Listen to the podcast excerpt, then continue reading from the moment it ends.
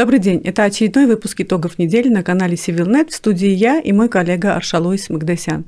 Перед тем, как начать нашу беседу, я хочу в очередной раз вам напомнить, что вы можете поддержать CivilNet не только из Армении, но и из любой точки мира. Для этого нужно зайти на наш сайт civilnet.am, нажать на кнопку Donate и сделать пожертвование в том размере, какой вам наиболее удобен. Спасибо, что поддерживаете нас. Это очень важно для продолжения нашей работы и нашей независимости.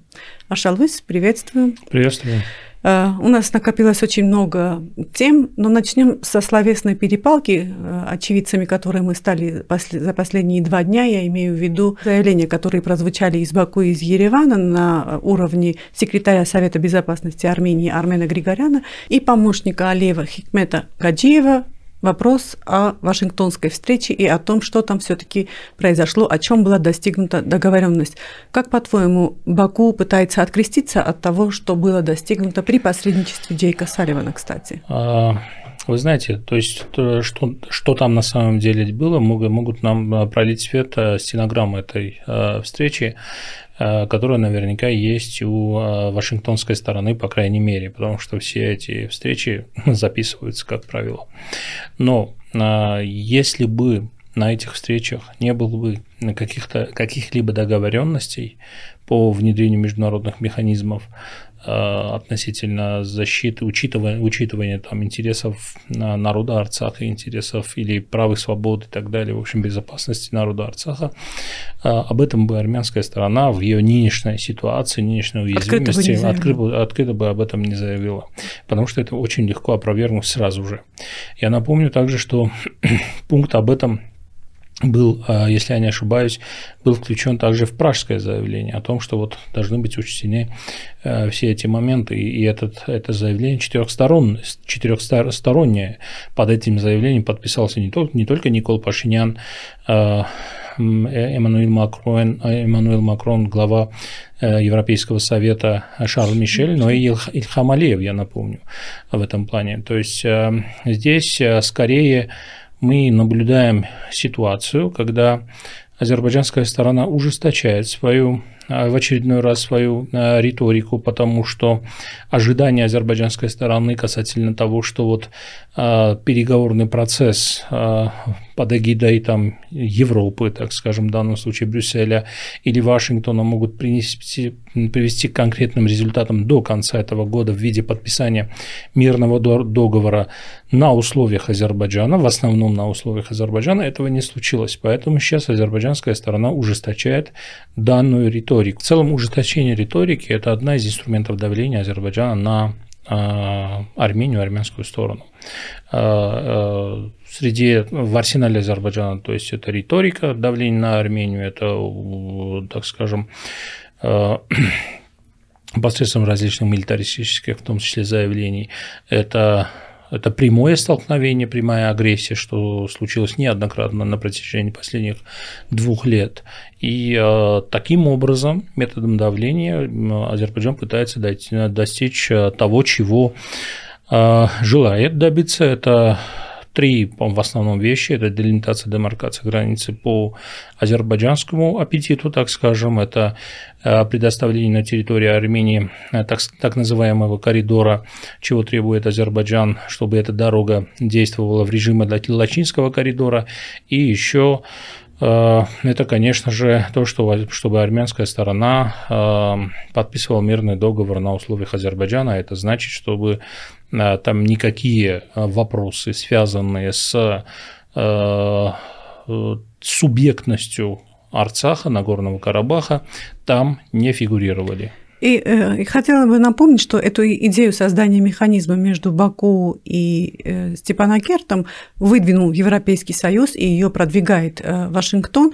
И последнее вот все это поведение Баку означает ли это, что они пытаются выйти из-под эгиды Э, Запада. Мы наблюдаем э, на протяжении, на протяжении последних э, года с хостиком процесс, когда стороны, когда часто меняются переговорные площадки. Есть три переговорные площадки, это две западные, западные, это Вашингтон и Брюссель, и московская. Московская переговорная площадка, она После украинской войны, после начала украинской войны, где и после того, как Россия испытывает, начала испытывать э, в Украине достаточно э, большие э, сложности в войне с Украиной, эта данная переговорная площадка была застопорилась в этом плане. То есть там никакой, она, она никак, так скажем, особой активности не проявляла и э, переговоры перешли э, на площадку Брюсселя и Вашингтона.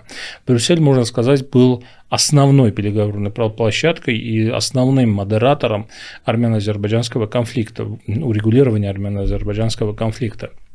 Но э, эти переговорные площадки меняются в зависимости от настроений, от целеполаганий сторон.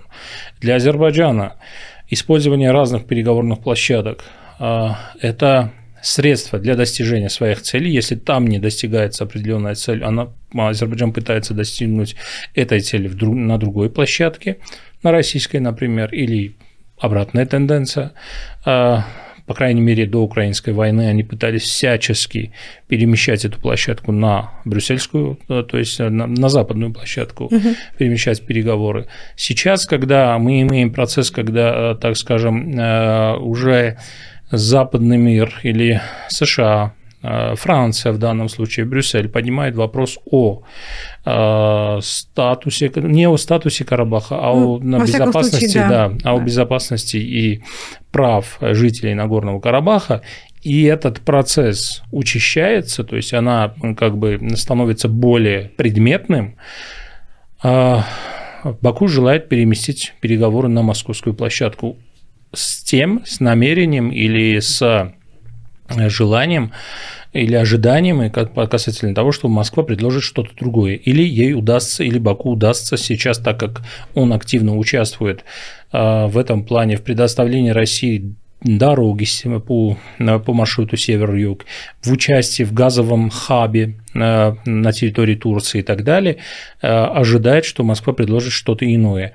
И в этом плане недавно была э, первая ласточка данного а, так скажем, в, в плане ожиданий, наверное, Азербайджана, или в Азербайджане так, наверное, это все восприняли, когда Лавров во время пресс-конференции, министр иностранных дел Сергей Лавров, сказал, что фактически стороны там в Праге договорились о том, что то есть э, о том, что они будут э, исходить из алматинского, э, то есть алматинской декларации устава ООН, а это фактически значит, что то есть возврат, так скажем, статус-кво до 90 первого или 90-го года, когда Нагорно-Карабахская автономная область официально был в составе Азербайджанской ССР. То есть в этом плане идет вот такая такие прыжки с, с ну переговорных площадок. И, и я извиняюсь, замечу, для армянской стороны это тоже имеет определенную логику, потому что если для азербайджанской стороны это попытка добыться э, своих целей на разных площадках, перемещаясь туда-сюда, для армянской стороны это возможность, как можно дальше тянуть переговорный процесс, выиграть время то, что э, Баку пытается перевести теперь уже интенсивность, интенсивные переговоры уже на российскую площадку, означает ли это, что э, ожидает также совпадение интересов в вопросе открытия коридора?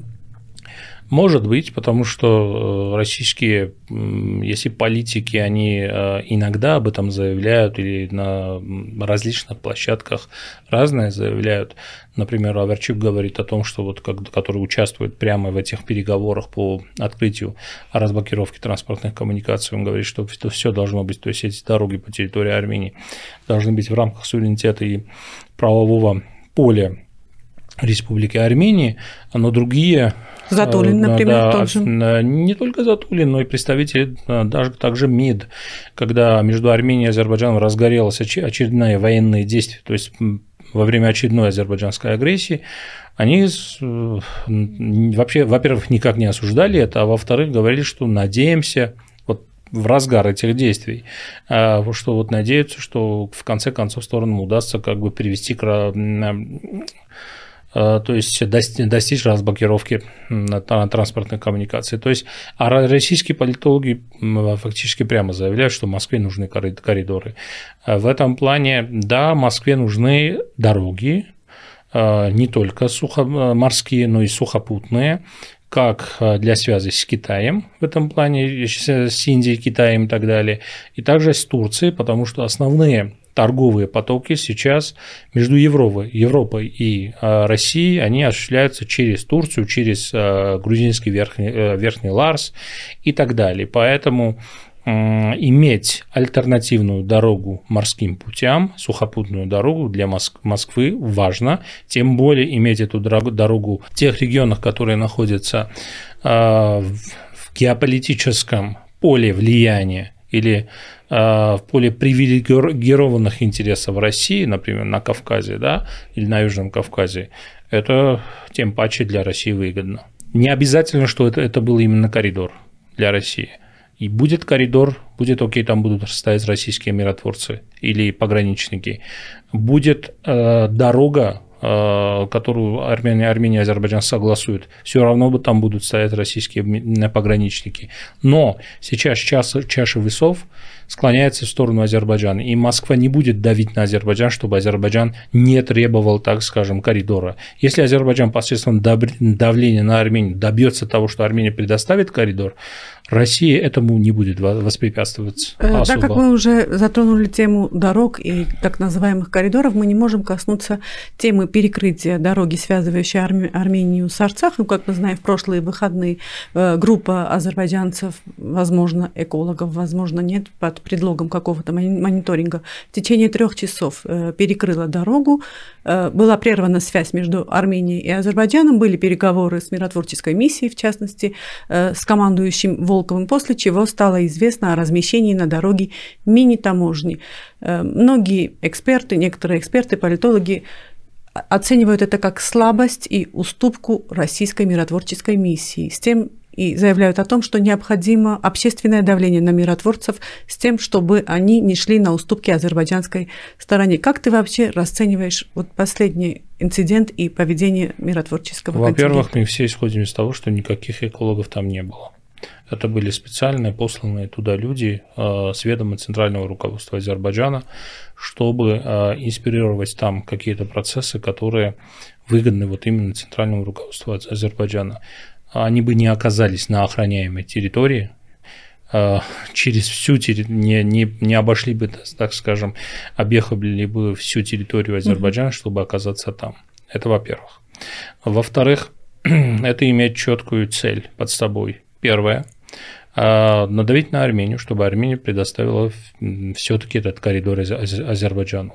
Ведь Азербайджан привязывает а, так, так называемый Зангизурский коридор, его режим работы с Лачинским коридором. Создают эквивалентность да, между да, дорогами. Да, заявляют прямо о том, что эти дороги или режимы работы этих дорог должны быть э, соответствующие, то есть должны быть э, рав, равными в этом плане или совпадать друг с другом.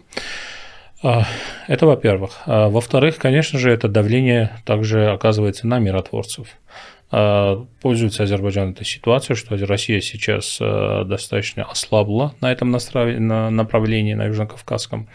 У России сейчас, так скажем, из-за своих забот на Украине или в Украине не до Карабаха совсем. Поэтому Азербайджан пытается сейчас, сам Бог велел, то есть для них, а, урвать то, что возможно урвать в нынешней ситуации. Завтра может быть поздно. Поэтому э, любой бы на месте Азербайджана в этом плане, любое государство, любой, любой, я не знаю, прагматичный политик, который выиграл войну, наверное, бы действовал таким образом. Понятно, но здесь есть мандат миротворцев, у которых Конечно. есть мандат, есть обязанности в соответствии с заявлением от 9 ноября 2020 года, и понятно, что есть логические ожидания, и я бы сказала, требования арцахцев и Конечно, Ар- конечно, Армении. есть. Здесь другой вопрос, насколько Армения и Арцах в силах противостоять этому. Во-первых, Армения должна этому, если Армения желает этому противостоять, Армения должна этому активными действиями противостоять. Я имею в виду дипломатическими действиями, я имею в виду активной работой с российской стороной э, для того, чтобы, то есть, если обе стороны, Армения, Азербайджан, Армения и Россия заинтересованы в том, чтобы Лачинский коридор действовал, в рамках э, данного договора от 9 или заявления от 9 ноября, они должны вместе, вместе предпринимать какие-то шаги, какие-то действия. Но мы со стороны Армении, хотя бы официально на уровне МИД, если я не ошибаюсь, на уровне э, правительства, хотя бы первые дни после случившегося официальных заявлений, официальных осуждений мы не слышали. слышали. Э, наверное, ведется какая-то подковерная работа, я не знаю. Может быть, должно быть вестись, э, по-другому никак. Но здесь, конечно же, необходима активная дипломатическая, военно-политическая работа с российской стороной, во-первых, для того, чтобы статус-кво в плане Лачинского коридора сохранился.